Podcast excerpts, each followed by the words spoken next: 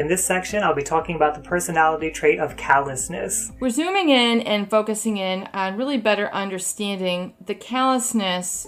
They look upon us not with animosity, but with callousness. Bam! Flying like a bird.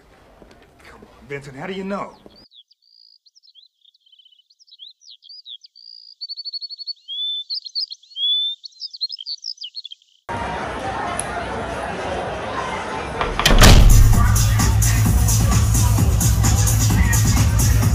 Tell you this for a while, but I, I, probably about 15 years. but uh, you know, I I feel like I've seen you all my life. How to smoke ribs. This video will show you how to smoke ribs to perfection. They'll turn out incredibly tender, juicy, and delicious. Step 1. Aujourd'hui, je vais partager ma routine matinale actuelle avec vous. Hey what's up guys, it's Kazooie here and welcome to one of my first FIFA 22 gameplay videos and as you can see I am uh, not on my own because I've got this man next to me.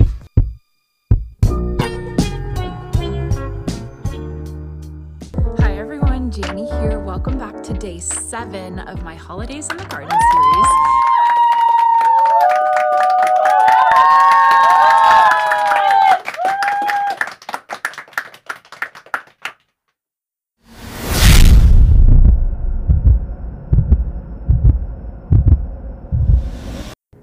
принято решение о проведении специальной военной операции. Russia has launched a full-scale invasion of Ukraine, destroying the country's infrastructure and killing scores of people. Breaking news after the U.S. warned all day of a full-scale Russian invasion of Ukraine that it was imminent. Vladimir It was Putin. unprovoked, but this is what Russian President Vladimir Putin unleashed on Ukraine. The sun came up this morning. housing fighter jets. As Russia's military After days assault on the of razor's Ukraine edge, is Ukraine underway, is now a Germany's nation top at war. diplomat put it Just in hours ago, terms. Russian forces we woke began up their in attack. a different world today. Fuck, it's, it's crazy. I can't believe that uh, Russia has declared war on Ukraine. That as soon as the declaration. There you go. Oh, fuck! That's a missile! That's a missile! That's a fucking missile! Holy shit! Alright, we've got to fucking get inside. I can't fucking believe that.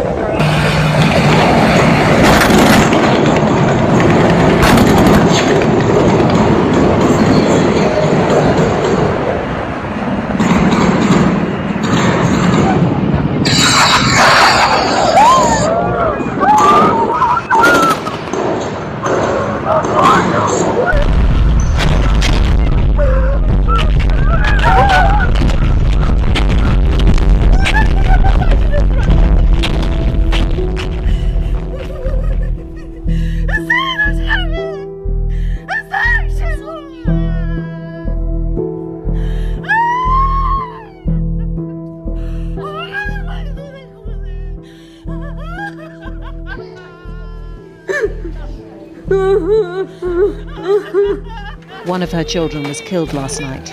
Cradling her surviving child, she pleads. We don't know where to run to. Who will bring back our children? Who?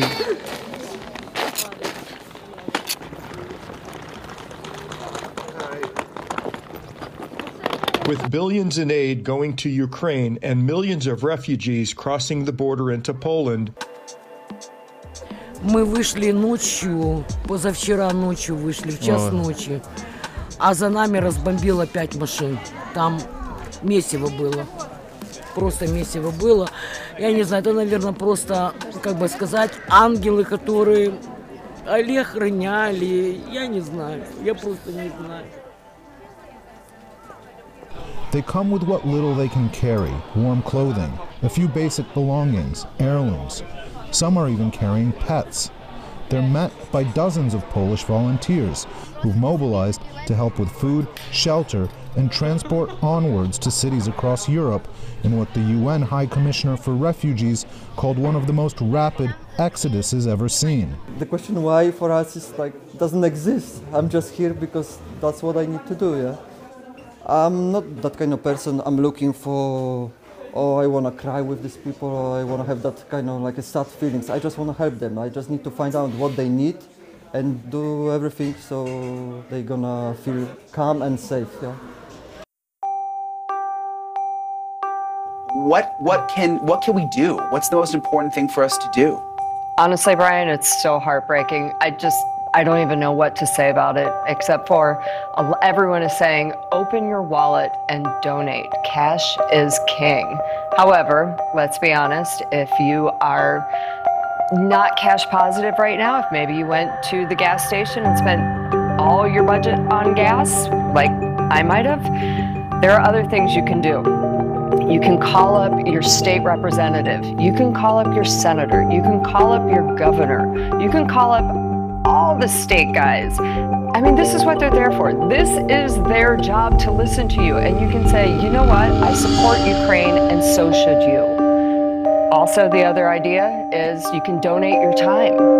You can go volunteer. Here's a man who literally went from Philadelphia to New Jersey. He's Ukrainian American. He felt helpless. He wanted to help, so he went and he packed boxes to go help and give aid packages back to his homeland. I'm a Ukrainian. Like every Ukrainian should should do something. This is like I cannot explain, but we need to do this. There's a man in my age fighting there, shooting. This is at least what I can do. Tonight, solidarity with Ukraine is growing around the world as local governments, businesses, and students are taking action. Around the world, a sea of blue and yellow. From Berlin to Prague to Seoul. The colors of the Ukrainian flag now a call to action. So every two weeks, we have refugees cooking for refugees. As of the second day of the war, we've been cooking and helping and distributing food. How is your group supported? We are taking donations because our goal is to work long term. This is a situation which will not go away, and it's not a sprint, it's a marathon. Hi, Stephanie. And it's been really devastating and heartbreaking for them to see those images coming out of Ukraine. And I spoke with one Ukrainian woman who lives here in Marlborough, and she knew she had to do something to help. So she's been, been putting together these boxes that are full of clothes and military kits, and they're going to be shipped to Ukraine tomorrow.